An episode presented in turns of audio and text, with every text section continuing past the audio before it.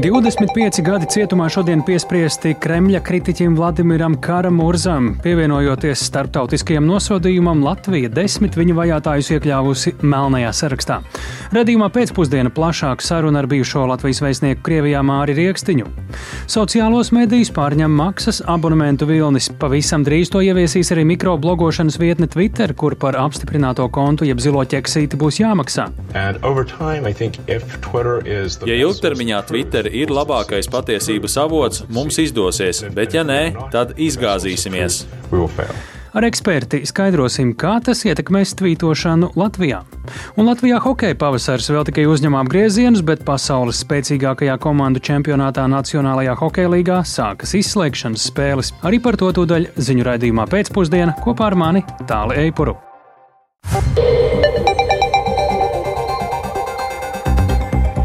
Pūkstens rāda 16,5 minūtes. Jūs klausāties pēcpusdienas ziņu programmu ar nosaukumu Pēcpusdiena. Skaidrojot, šodien svarīgs notikums studijā Tālis Eipurs. Labdien! Jauns pavērsiens konfliktā starp Ogres vēstures un mākslas muzeju un Ogres novada pašvaldības vadību pašvaldības vadība muzeja direktors Durvis jau piekdienas vakarā aizlīmēja ar norādi par aizdomām par dokumentu viltošanu. Savukārt šodien sarīkota Ogres novada domas ārkārtas sēde, kurā lēma par muzeja direktoras atstādināšanu no amata. Tiesa, īsi pirms sēdes sākuma muzeja direktora pati pašvaldībai darbu uzteikusi. Plašāk par konfliktu attīstību šīs dienas laikā un pēdējās dienās Agnijas Lāsdeņas reportāžā.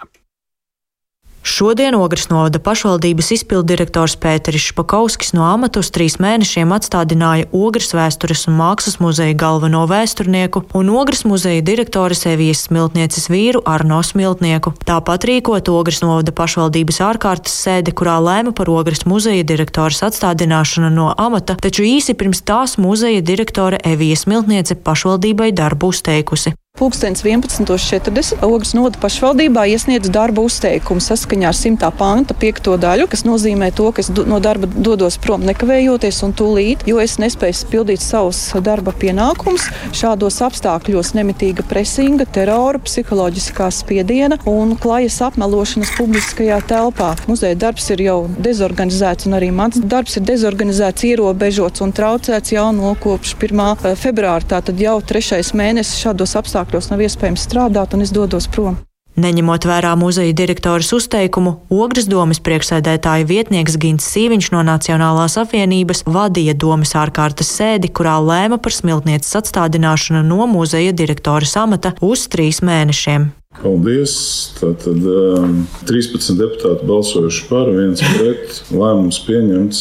Ārkārtas sēdē ziņoja par muzeja pārbaudēs konstatētajām aizdomām par interešu konfliktu kopš 2016. gada, kā arī dokumentu viltošanu. Tāpat informēja, ka pašvaldība šodien ir vērsusies korupcijas novēršanas un apkarošanas birojā, lūdzot pārbaudīt pašvaldības konstatētos faktus. Turpina Ogres novada domas priekšsēdētāja vietnieks Gins Sīviņš. Pagājušā piekdiena tika veikta muzejā pārbaude, datu pārbaude datoros, dokumentu pārbaude. Muzeja vadība neizrādīja nekādu vēlmi sadarboties, dokumenti netika izsniegti, nu, tika atstāti kabinetā pēc darba laika.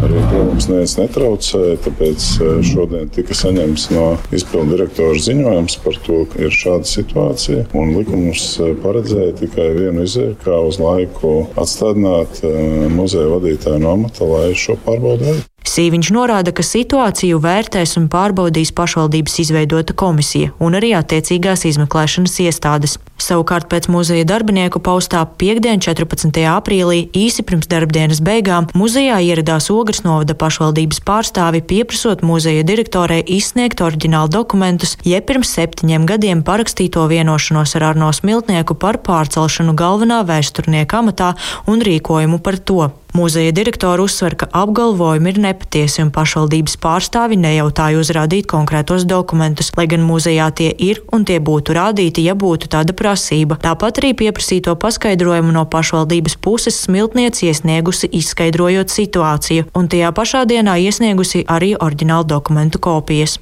Kādā ir zīmogs, varbūt kādā arī nav. Tas viss ir iespējams. Tas ir tāda septiņu gadu atpakaļ. Es tā nevaru komentēt, kāpēc uz vienu ir zīmogs, uz otru nav. Nu, katrā ziņā zīmogs arī nav obligāti prasība uz visiem dokumentiem. Es varu apliecināt tikai to, ka šie dokumenti sastādīti 2016. gada 27. janvārī, kā viņi ir arī datēti, un tā tas arī ir. Nu, lai tiek veikta pārbauda un skatīts, bet noraida šos apgalvojumus par viltošanu. Domas sēdē deputāti lēma Ogres muzeja direktoras pienākumus uzticēt Andrija Pumpura Lielvārdas muzeja vadītājai Anitai Strēlei, nosakot 30% piemaksu par papildu darbu. Agnija Lazdiņa, Latvijas radio.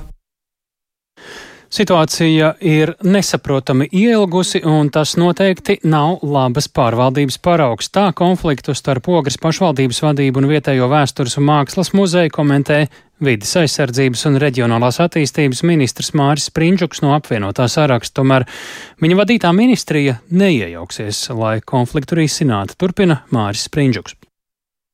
Šajā sakarā nu, kā, tas, ko varam, varētu darīt, ja ir vajadzīgs moderācija, vidutājs starp, starp pusēm. Bet, nu, domājot vairāk par demokrātisko sistēmu kopumā, šeit ir tas gadījums, kur noteikti būtu vairāk jāstrādā vietējai demokrātijai, jo šādus lēmumus nepieņem mērs, bet doma. Tātad doma ir pārstāvēta no partijām, un šeit ir partiju atbildība pret saviem vēlētājiem. Plašu rezonanci šis notikums iegūs arī sociālajos tīklos. Tur izskan aicinājumi izgaismot tiltu Ogrē Ungārijas, Krievijas karogu krāsās. Un tāpat arī tas tiek saukts par bandītismu pilnos ziedos. Citi vaino koalīcijas partijas klusā līdzdalībā uh, tam, ko īsteno Nacionālo apvienību pārstāvošais Ogres novada domas vadītājs. Un šāda rīcība nemotivējot iet, piemēram, uz vēlēšanām, maksāt nodokļus un līdzīgi. Šim notikumam vēl sekosim līdz tas noteikti izsauc plašu rezonanci. Šobrīd pievēršam uzmanību citām demokrātijas izpausmēm. Ja, piemēram, Māris Sprindžuks, eh, pašvaldībām atbildīgais ministrs, atgādina, ka no nākamā gada 1. janvāra līdzīgu konfliktu risināšanā būs jauns instruments eh, vietējo pašvaldību referendumu likums, eh, ļaušot iedzīvotājiem atsaukt likumu, tad pedagogi savai, savu mērķu sasniegšanai izvēlas citu formu - streiku. Pusdienu laikā notika apvienotā sarakstā saimnes deputātu un Latvijas izglītības un zinātnes darbinieku arotbiedrības tikšanās. Tajā gan nav noticis nekāds pavērsiens, kas liecinātu par arodu organizācijas piekāpšanos vai iespēju atteikties no plāniem rīkot streiku.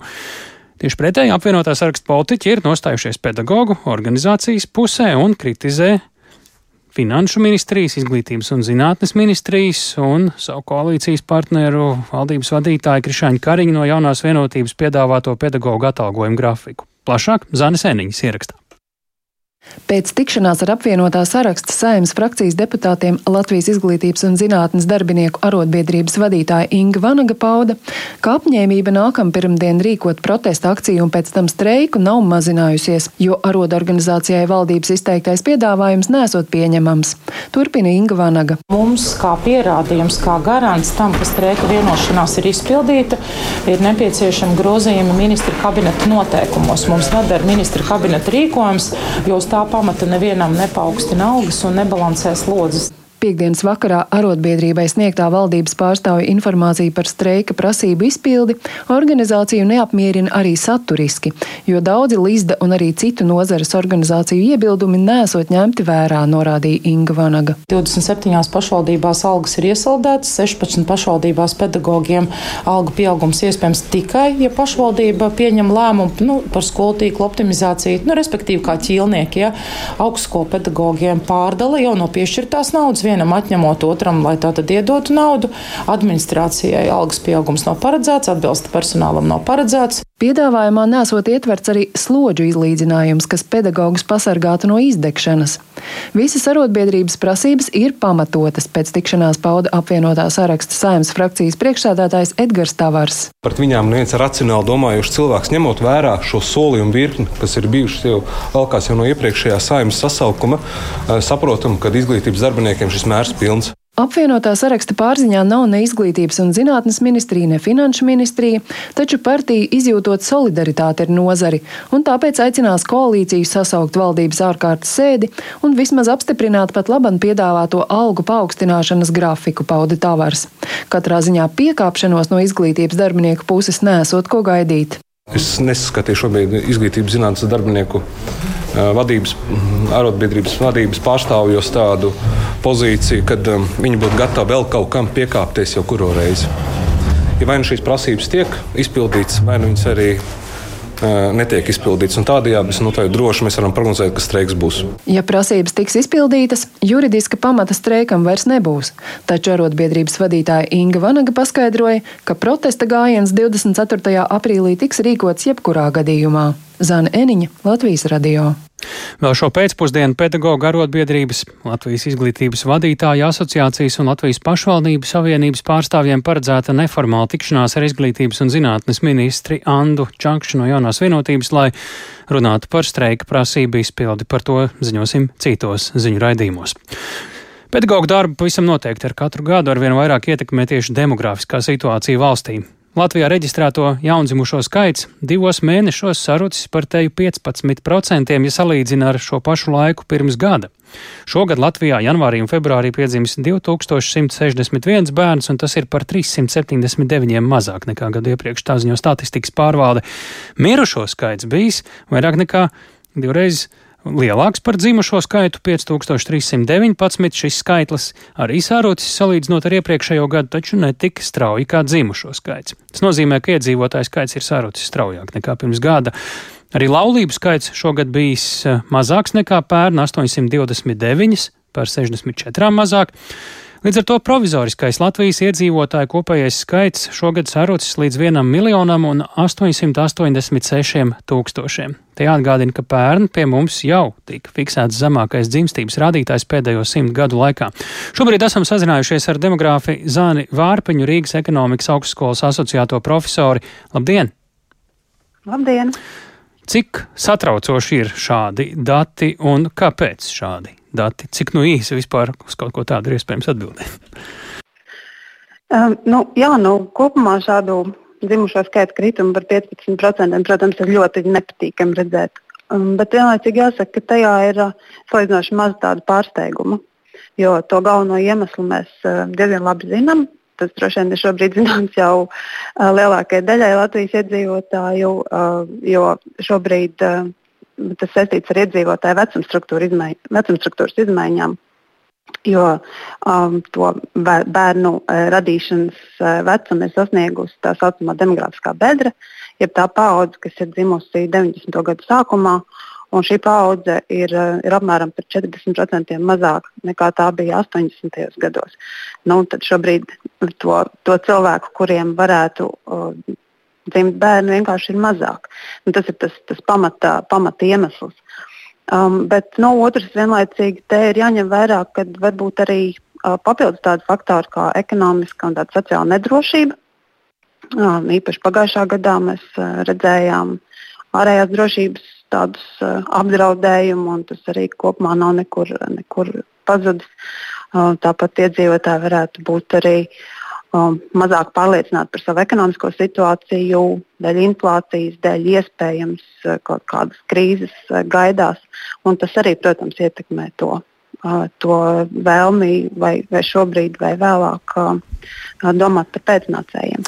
Cik neatgriezeniskā punktā mēs šobrīd esam, vai ir redzams kaut kāds ceļš ārā no šādas bedres? Nu, tas, tas pamat iemesls ir, ir šī mazākā paudze, kura, kura var kļūt par vecākiem. Tad, tad, diemžēl, es neko tādu labu un pozitīvu pateikt nevaru. Jo saskaņā ar prognozēm tas uh, dzimušo skaits uh, turpinās kristies. Um, cik tālu un, un kādā līmenī tas stabilizēsies, tas ir nu, tāds, ne, šobrīd uh, grūti, grūti pateikt to atbildi uz tādu jautājumu. Bet uh, nu, kopumā tādas lielas izmaiņas mēs uh, um, šajās tendencēs neredzēsim. Diemžēl mēs arī tālāk redzēsim līdzīgas, līdzīgas samazinājumus. Un pavisam īsti nu, tas lielākais dzimstības bums, kas pēdējās desmitgadēs bija pirms apmēram 35 gadiem, teorētiski šai paudzei. Varbūt vēl vajadzētu būt ražojošiem vecākiem, tā var teikt, vai arī, arī šis uh, pīķis nu jau izskatās, ka ir droši pāri. Nu, tas, tas, tas jau ir tas, ko, par ko mēs runājam, ka tā, tā paudze jau nav, viņa ir um, apmēram no nu, skaitās no 18 līdz 45 gadiem sievietēm, bet nu, tas reālais vecums, kurā sievietes kļūst par, par, sāk kļūt par mātēm, ir 25 līdz 28 gadi. Un, nu, šī, tas, tas pīķis, par ko es runāju, 86. gadā, viņas jau tuvojās arī tam, mm. Kā, tam beigu posmam, un, un mēs varētu pieņemt, ka tām sievietēm jau bērni ir, jau ir dzimuši. Lielas paldies par sarunu. Zana Vārpiņa, Rīgas ekonomikas augstskolas asociētā profesora demogrāfa, bija mūsu sarunbiedrene. Kā Latvijā varētu mainīties sociālo mediju lietošana un informācijas pieejamība tajos pēc maksas ieviešanas par daļu no to piedāvātajām iespējām? Un kāda loma Nacionālās hokeja līnijas izslēgšanas spēlēs varētu būt mūsu Teodoram Bļugaram, kurš šobrīd ir vienā no favorītu komandām? Šie un citi stāsti raidījumā pēcpusdiena jau pēc brīža plašāk.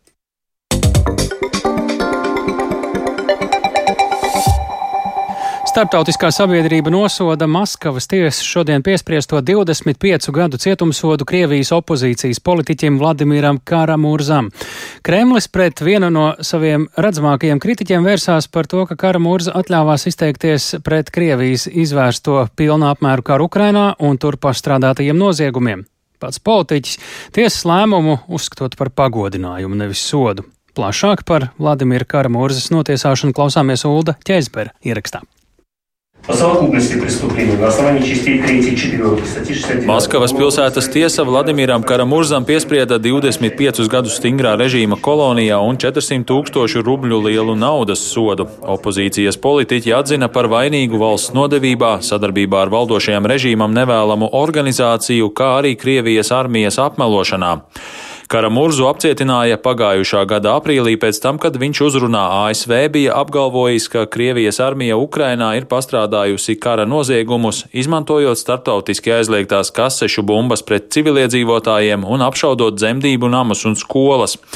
Pagājušajā nedēļā tiesas priekšā nolasot pēdējo vārdu, Karamurza sacīja, ka reiz pienāks diena, kad Krievijā karu sauks par karu, bet par noziedzniekiem sauks tos, kas šo karu izraisīja, nevis tos, kas to mēģina apturēt. Pats Kara Murza viņam piespriesto cietumsodu uztverot mierīgi un ar sarkasmu pēc tiesas sēdes šodien paziņoja politiķa advokāte Marija Eismonta. Tas ir briesmīgs, bet augsts novērtējums Vladimira kā politiķa un pilsoņa darbam. Viņš šo spriedumu tā arī uztver.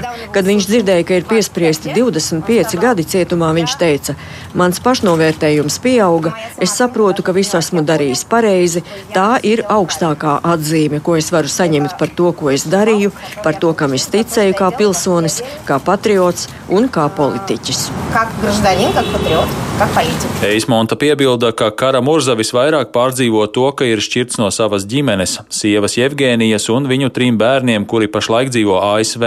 Opozicionārs jau gandrīz gadu atrodas ieslodzījumā, bet viņam nereizi nav dota atļauja sazvanīties ar bērniem. Jevgēnija Karamurza sociālajā tīklā Twitter ierakstīja, ka viņas vīram piesprieda 25 gadus cietumā par drosmi, nelokāmību un godīgumu. Viņa piebilda, ka ir bezgala lepna par savu mīļoto vīru. Rietumvalstis nosoda Karamurzam piespriesto cietumsodu un pieprasa viņa atbrīvošanu. Eiropas Savienības ārlietu dienests paziņoja, ka tiesas spriedums pret Karamurzu vēlreiz skaidri apliecina Krievijas tiesu varas ļaunprātīgu izmantošanu, lai izdarītu spiedienu uz aktīvistiem, cilvēktiesību aizstāvjiem un tiem, kas neatbalsta Krievijas nelikumīgo karu Ukrainā. Savukārt ASV vēstniece Krievijā Linna Treisija kara murzas notiesāšanu nodēvēja par Kremļa vājuma pazīmi.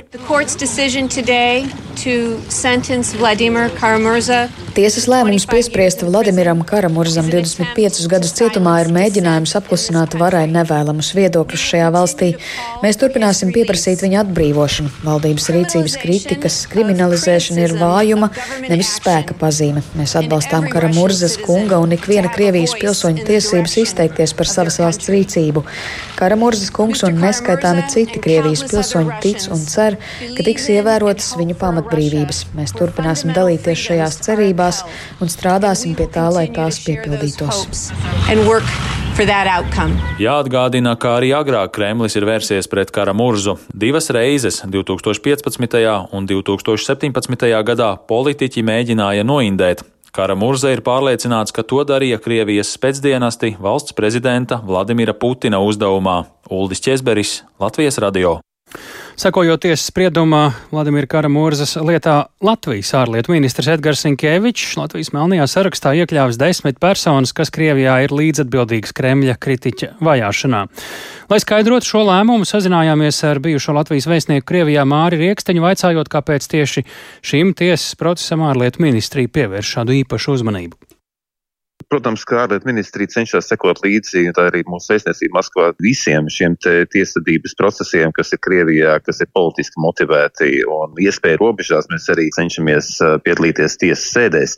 Šis konkrētais gadījums attiecībā uz Vladimiru Karamurzu varbūt un tā īpaša uzmanība saistās ar to, ka viņa līdzinājā darbība ir viņu padarījusi par vienu no redzamākajiem Krievijas opozīcijas politiķiem, gan viņa darbība līdzinājā Magnitska akta dokumentu pieņemšanā veselā virknē pasaules valstu. Tā ir darbība kopā ar Boris Ņemcovu, vienu citu redzamu Krievijas opozicionāru, kas tika brutāli nogalināts uh, Maskavas centrā. Uh, tā ir ļoti skaidra pausta negatīva attieksme pret Krievijas agresiju Ukrainā. Viņš tiešām bija viens no redzamākajiem Krievijas un joprojām paliek viens no redzamākajiem Krievijas opozicionāriem. Kas ir šīs desmit personas? Kā tās Latvijas skatījumā ir tieši saistītas ar Vladimira Karamūrzas vajāšanu un notiesāšanu? Tās ir personas, kas nodarbojušās tieši ar šīs safabricētās, kā mēs uzskatām, lietas kopā salikšanu, iztiesāšanu, apsūdzības celšanu. Jo, nu, tiešām, es domāju, ka tas soda mērs, kas ir ticis piemērots no, nu, ja tā var teikt, no tiesas, šodien pārspēj līdzinējos Krievijas standartus. Ja 25 gadi piespriest cilvēkam nevis par Nu, teiksim, mēs zinām, ka par cilvēku slepkavību tiek piespriests mazāk daudz uh, soda mēri, bet par to, ka viņš pauž savu viedokli, savu opozicionāru viedokli, un tas ir vienkārši, prātam, neaptverās. Tā kā ir, ir izvērtēti personas, kas ir bijušas pie šīs lietas stapināšanas. Atcerēsimies pagājušajā gadā, kad Karamurza tika no sākuma aizturēts, tas bija administratīvais ārests uz divām nedēļām, kur laikā jau tika izvirzīta pirmā krimināla apsūdzība un tad pēc brīža otrā krimināla apsūdzība. Nu, skaidrs, ka tas bija tāds iestudēts teātris. Un arī fakts, ka tiesvedība notika slēgtā režīmā, kad uh, sabiedrībai nebija iespējas sekot līdzi šiem tiesvedības procesam, tas arī parāda, ka režīmām pēc būtības viņi labprāt slēpj to savu pieeju, tiesājot savu opozicionāru. Kādi bija tie Latvijas uh, diplomātu vai citu veidu pārstāvju mēģinājumi būt klāt šajā procesā? Nu, mēs regulāri devāmies uz tiesas sēdēm, kad viņas tika izsludināts. Protams, tas, ka tiesas sēde notiek, tas nav noslēpums. Par to var uzzināt tiesas implantīvos materiālos.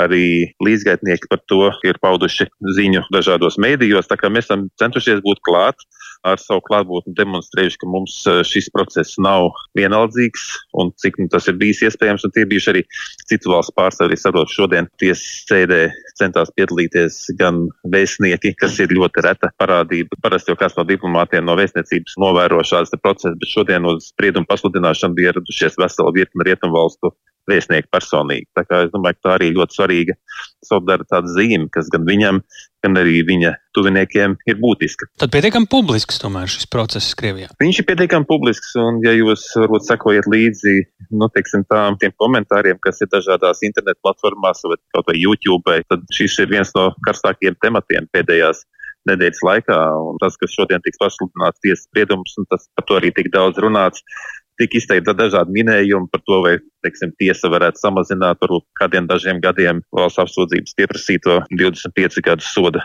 termiņu. Bet, nu, kā redzams, tiesnesis, kurš pats ir arī vienā no tām Magnītiskā sarakstā, nu, viņš uzskatīja, ka ir pilnībā jāapmierina valsts apsūdzības prasība un 25 gadi ar viņu lēmumu tika piespriesti. Kā tas varētu ietekmēt turpmāko opozīcijas eh, darbību Krievijā? Tas, ko mēs esam redzējuši Krievijā pēdējo gadu laikā, jo īpaši pēdējā gada laikā, kopš kara uzsākšanas Ukrainā, ir ļoti konsekventa citādi domājošo izspiešana no valsts vai arī dažāda šāda tiesvedības procesa un uh, administratīvo resursu vēršana pret šiem cilvēkiem. Tā ir nu, ar mērķi iebaidīt, ar, ar mērķi cilvēks atturēt, paust savu viedokli publiski, kas nebūtu pieņemams vadošajam režīmam. Tā kā es domāju, ka šis šodienas spriedums ir vietējams kā kārtējais solis virknē dažādo pasākumu, ko Krievijas var ir, ir vērsus pret savus valsts iedzīvotājiem, lai, kā saka, izreikināties ar citādi domājošiem. Kā tas ietekmēs tālākos procesus Krievijā, nu to rādīs laiks. Es domāju, ka viena daļa cilvēku tas atturēs vispār izteikties par jebko, kas saistās ar valsts politiku. Varbūt kādu citu pamudinās braukt no valsts projām. Tā kā droši vien tās reakcijas, nu, katrs cilvēks izvērtē, kā pats viņš grib vai vēlās vai var rīkoties. Tā bijušais Latvijas vēstnieks Krievijā Māris Rieksniņš komentējot Maskavas tiesas šodien piespriesto 25 gadu cietumsodu Krievijas opozīcijas politiķim Vladimiram Kārmurzam. Šis gadījums apliecina, ka roka uz pulsa vārda brīvībai, informācijas pieejamībai ir jātur nemitīgi, un nu jau daudzus gadus īpaši svarīga loma tajā ir tieši sociālajiem tīkliem. Un šobrīd tos pārņem maksas abonementu vilnis. Tādiem iepriekš zināmiem zīmoliem kā YouTube, Reddit, Discord ar maksas abonēšanas iespējām drīzumā pievienosies arī kompānijai Meta piedarošie populārie sociālie mediji Facebook, arī Instagram. Tomēr pēdējās nedēļās lielāko ažiotāžu sacēlusi mikroblogošanas vietne Twitter, kur visi apstiprinātie konti, jeb zilo ķeksīšu turētāji tos zaudēs, ja vien ik mēnesi nešķirsies no aptuveni 10 līdz 11 eiro.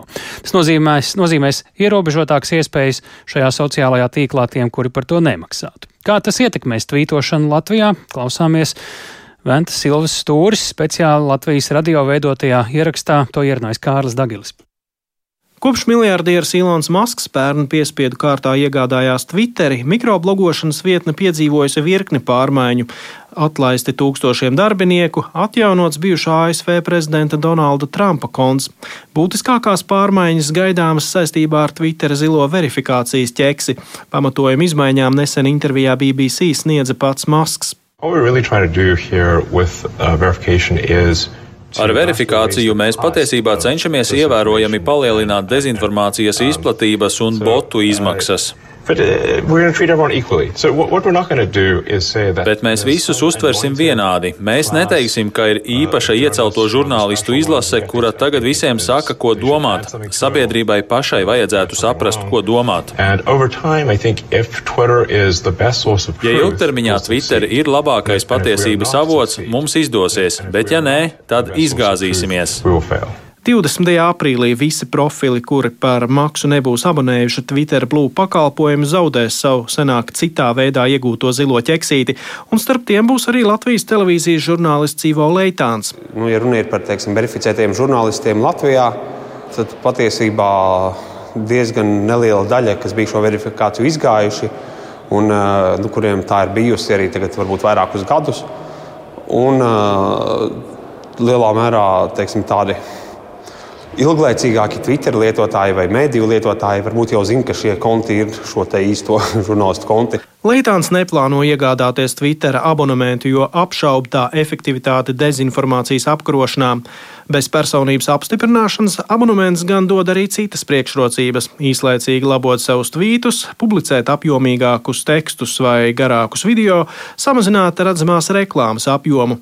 Tomēr būtiskākā izmaiņa ir Twitter abonementiem būt redzamākiem par tiem, kas nemaksā. Uz šo kā apdraudējumu demokrātijai jau norādījuši eksperti, sakot, ka vairāk vairāk dzirdēs tos, kas vairāk maksā. Interesanti, ka atsevišķi Latvijas politiķi jau pasteigušies Twitter Blue abonēt, viņu vidū arī Rīgas mērs Mārtiņš Staķis. Viņa birojā gan apgalvo, ka par šo pakalpojumu mērs maksājot no savas kabatas. Savukārt DJs un ētera personība Toms Grēviņš ar vienu no lielākajiem sekotāju skaitiem Latvijā saka, ka neplāno maksāt par Twitter Blue, un viņu mazliet vairāk uztrauc Instagram abonēšanas plāni. Grēviņš šādu abonementu ieviešanu pielīdzina kabeļtelevīzijai un straumēšanas platformām un saka, ka ir grūti prognozēt maksas pakalpojumu turpmāko attīstību. Nu, skaidrs ir tas, ka eh, jebkurā gadījumā tā galvenā interese sociālo tīklu eh, turētājiem, tātad īpašniekiem, viņu galvenā interese ir, lai cilvēki tur būtu un lai cilvēkiem tur būtu forši un lai viņiem būtu interesanti. Un, ja šis kaut kādā mērā sāks ietekmēt to, ka viņiem vairs nav interesanti, viņiem nav vērts un nav forši būt, tad viņi būs sev iešāvuši kājā. Nu, ir, tas ir neizbēgami. Latvijas radio nelielā pašā Twitterī veiktā nereprezentatīvā aptaujā noskaidroja, ka tikai 2% grasās abonēt šo sociālo tīklu vai nu par savu vai savas darba vietas naudu. Kārlis Dagilis, Venta Ilva Stūris, speciāli Latvijas radio. Vai sabiedrībai svarīgi sociālo tīklu konti, kuri nemaksās abonentu maksu, nepazudīs starp maksas kontiem, vai informācijas publicēšana un saņemšana sociālajos tīklos nekļūs arvien grūtāk pieejama bezmaksas lietotājiem? Daudz dažādu jautājumu pie mūsu klausulas sociālo mediju un digitālās vidas pētniece Latvijas Universitātes sociālo zinātņu fakultātes docenta Līva Kalneča. Labdien! Labdien! Nu, kā jūs teiktu, kādas izmaiņas šis viss galvenokārt varētu viest sociālo mediju darbībā, to lietotājiem eh, īstermiņā, varbūt arī ilgtermiņā? Nu, jāsaka par to, ka, jāsaka to, ka tās ir lielas izmaiņas kopš vispār sociālo mediju kā, ienākšanas plašākā sabiedrības ikdienā. Jo līdz šim mēs esam kaut kā pieraduši, ka sociālajā mēdī mums ir bez maksas. Jā, mēs skatāmies reklāmas, jā, mēs varbūt piespiežam kaut kur sponsoru linku, bet mēs patiesībā par šo pakalpojumu nemaksājam. Un tikko kā iepriekš arī Sižetā teica, tad tāpat kā mēs maksājam par straumēšanas vietnēm, iespējams mums tagad būs jāsāk maksāt par šīm sociālo tīklu vietnēm. Un tas, es domāju, ir tāds vienkārši milzīgas pārmaiņas, kuras mums kā sociālo tīklu savien, sabiedrībai ir uh, jāsāk tā teikt apgremot. Es varētu tā teikt. Mhm. -huh. Kādas sekas tas varētu atstāt uz sabiedrības informētību, informācijas pieejamību Nu, sakas, es domāju, ja mēs runājam tieši par uh, Twitter, piemēram, tad tās būs uh, ļoti lielas. Arī jūsu sižetā izskanēja šis stāsts par to, ka uh, tā diez vai ir cīnīšanās ar dezinformāciju. Un, ja mēs runājam uh, Latvijas kontekstā, tad tā patiešām ir vairāk uh, patiesībā informācijas ierobežošana. Jo mēs jau šobrīd redzam, uh, kad vēl nav stājies spēkā šis, te, kad uh, kādam atņem šo zilo tekstīti, uh, mēs redzam, ka Twitter uh, ir uh, daudz strādājis pie tā, lai viņu algoritmi strādātu citādāk. Un mums jau ie, ieejot šajā Twitterī, ir for you sadaļa un ir following sadaļa. Un mēs uh, Twitter lietot arī ļoti sūdzas, ka šī for you sadaļa ir pilnīgi kaut kas tāds, ko viņi nevēlas redzēt. Un principā, ko mēs šajā sadaļā redzam, tātad priekš mums radītā tekstā, šajā sadaļā vairāk vai mazāk būs tieši šie zilie apstiprinātie konti. Un tad mums paliks šī mazā sadaļiņa seko, kur mēs varēsim redzēt to, ko mēs tiešām gribētu redzēt. Bet tad atkal ir jāpārdomā visu šo sociālo mēdīju sekošanas politiku, kam man sekos ko es gribu redzēt, kāds ir šī tīkla mērķis, ir, kāda ir mana loma teiksim, sociālajā Jā. tīklā un citādāk. Kā tas varētu ietekmēt, nu, es domāju, atšķiras lielie tirgi, lielās valodas no mazajām šajā ziņā, un arī izmaksas, kas ir vajadzīgas, lai darb, darbotos šādā sociālajā tīklā, un tā atmaksāšanās. Kā tas varētu ietekmēt, piemēram, latviešu valodas satura pieejamību sociālajos tīklos, vai te ir kaut kāda specifika, jo proporcionāli maksāt pa lielu mēnešu vai gada maksu par krietni mazāku auditoriju vai uh, saturu, tas tomēr kaut ko nozīmē droši vien.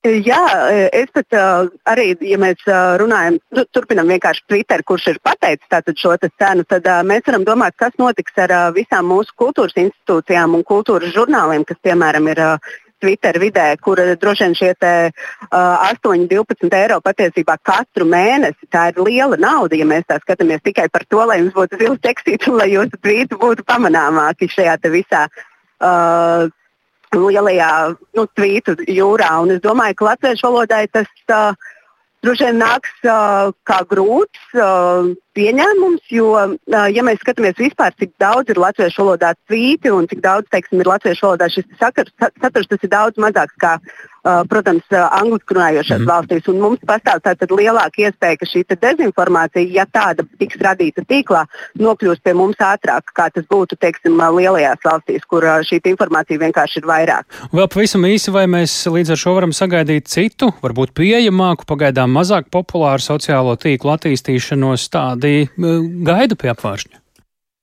Uh, jā, it kā gaida, un, un patiesībā ar šīm Twitter izmaiņām ir ļoti daudz spekulēts par to, ka nu, ir īstais laiks, kad tiešām šādam sociālajam tīklam kādam būtu jānāk vietā. Bet uh, es teiktu, ka mēs kā, nu, no tādiem novērojuma puses, ka mēs kā sabiedrība vēl neesam uh, ne tikai Latvijā, bet arī pasaulē neesam gatavi uh, ieviest vēl vienu jaunu tīklu, kamēr mums funkcionē šie esošie tīkli. Jo, lai arī neizmanto katru dienu, tāpat lielākajai daļai ir konti Facebook, tāpat mums ir Instagram. Nu, protams, TikTok dominance, mm. bet uh, mēs zinām ļoti labi, ka TikTok šobrīd ir ļoti nērtā pozīcijā pasaules mērogā ar šo savu datu uh, apkopošanu. Līdz ar to nu, jā, Labi, liels paldies! Paldies, liels ļoti vērtīgi virkni komentāru Līva Kalnača, sociālo mediju un digitālās vidas pētniece Latvijas Universitātes sociālo zinātņu fakultātes docente. Tikmēr klāt ir notikums, kuram būs pievērsta daudzu sporta līdzstēju uzmanība, droši vien gan maksas, gan bezmaksas platformās.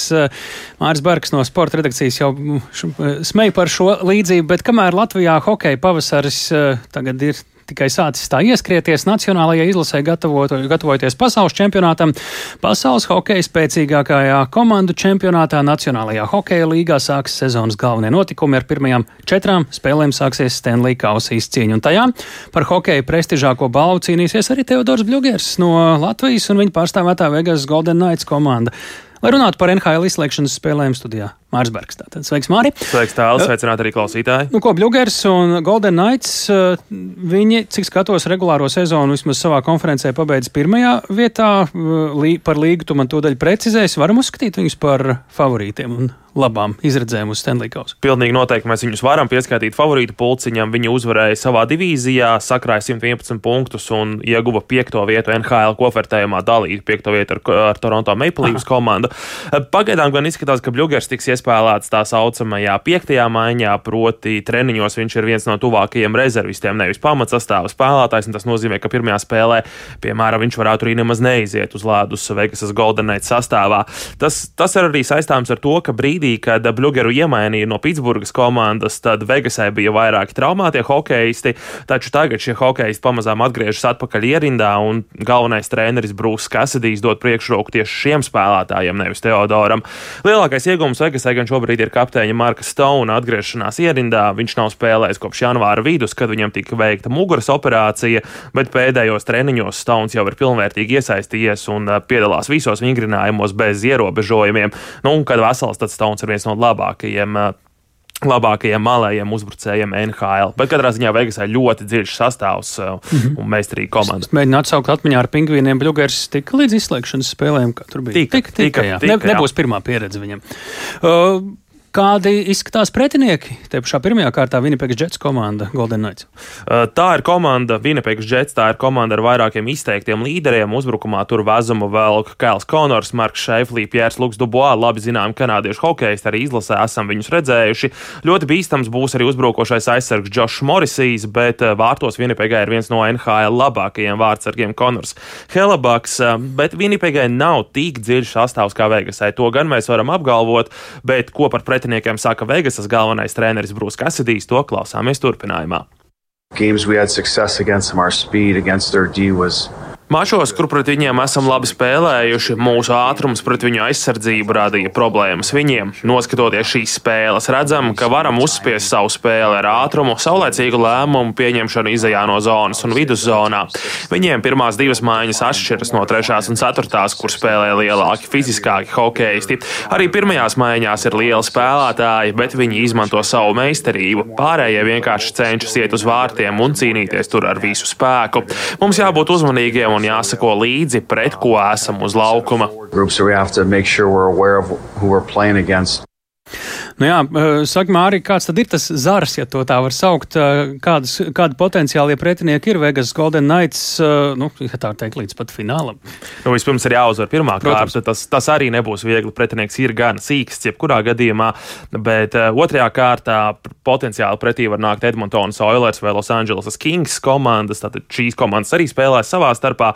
Edmontona ir tiešām nopietni ieskrējusies. Pēdējās deviņās spēlēs viņi ir uzvaras izcīnījuši, tātad deviņas uzvaras pēc kārtas, ejot ieejot playoff. Labā formā ir Edmontona, arī Kings ir pietiekami ambiciozi, arī grib iekost un ir spējīgi iekost saviem pretiniekiem. Citi lielie favorīti visā šajā? Nu, galvenie favorīti absolūti noteikti ir Bostonas Bruins komanda Austrumu konferencē. Labākā regulārā sezona NHL vēsturē, tiešām ļoti spēcīga komanda, arī ārkārtīgi labi nokomplektēta. Dziļš sastāvs ir rezervisti, ja gadījumā ir traumas, līderis labi spēlē Tur ir viss, kas ir vajadzīgs. Vārdsargi, aizsargi, uzbrucēji, viss, ko var vēlēties. Viņiem ir. Austrumos vispār ļoti daudz spēcīgu komandu. New York Rangers savāca vairākus labus uzbrucējus, kas bija pieejami. New Jersey Devils, Tampa Bay Lightning, Toronto Maple Leafs, Carolīnas Hurricanes konkurence būs mežonīga. Būs tiešām interesanti, bet tāpēc NHL izslēgšanas spēles ir tik ļoti interesantas un skaistas. Tur neko nav iespējams prognozēt. Un brīžiem regulāri, gan arī katru gadu notiek kaut kas tāds, ko pat Holivudas scenāriju autori nevarētu iedomāties un uzrakstīt. Tiešām neprognozējams hokejs priekšā.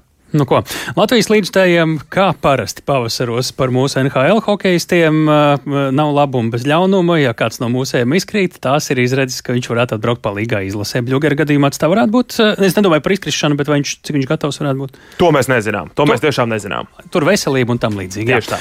Sakām lielu paldies Mārim Bergam, bet raidījums pēcpusdienā izskan. To veidoja Tāls Eipurs, Ilza Aginta, Kaspārs Groskops, Iveta Zvēniece. Mēs sakām arī jums klausītāji paldies par klausīšanos, bet mums jau viss darba nedēļa priekšā kā katru dienu 16.5. raidījums pēcpusdienā. Klausieties to arī Latvijas radio mobilajā lietotnē, meklējiet dienas ziņas. Yeah.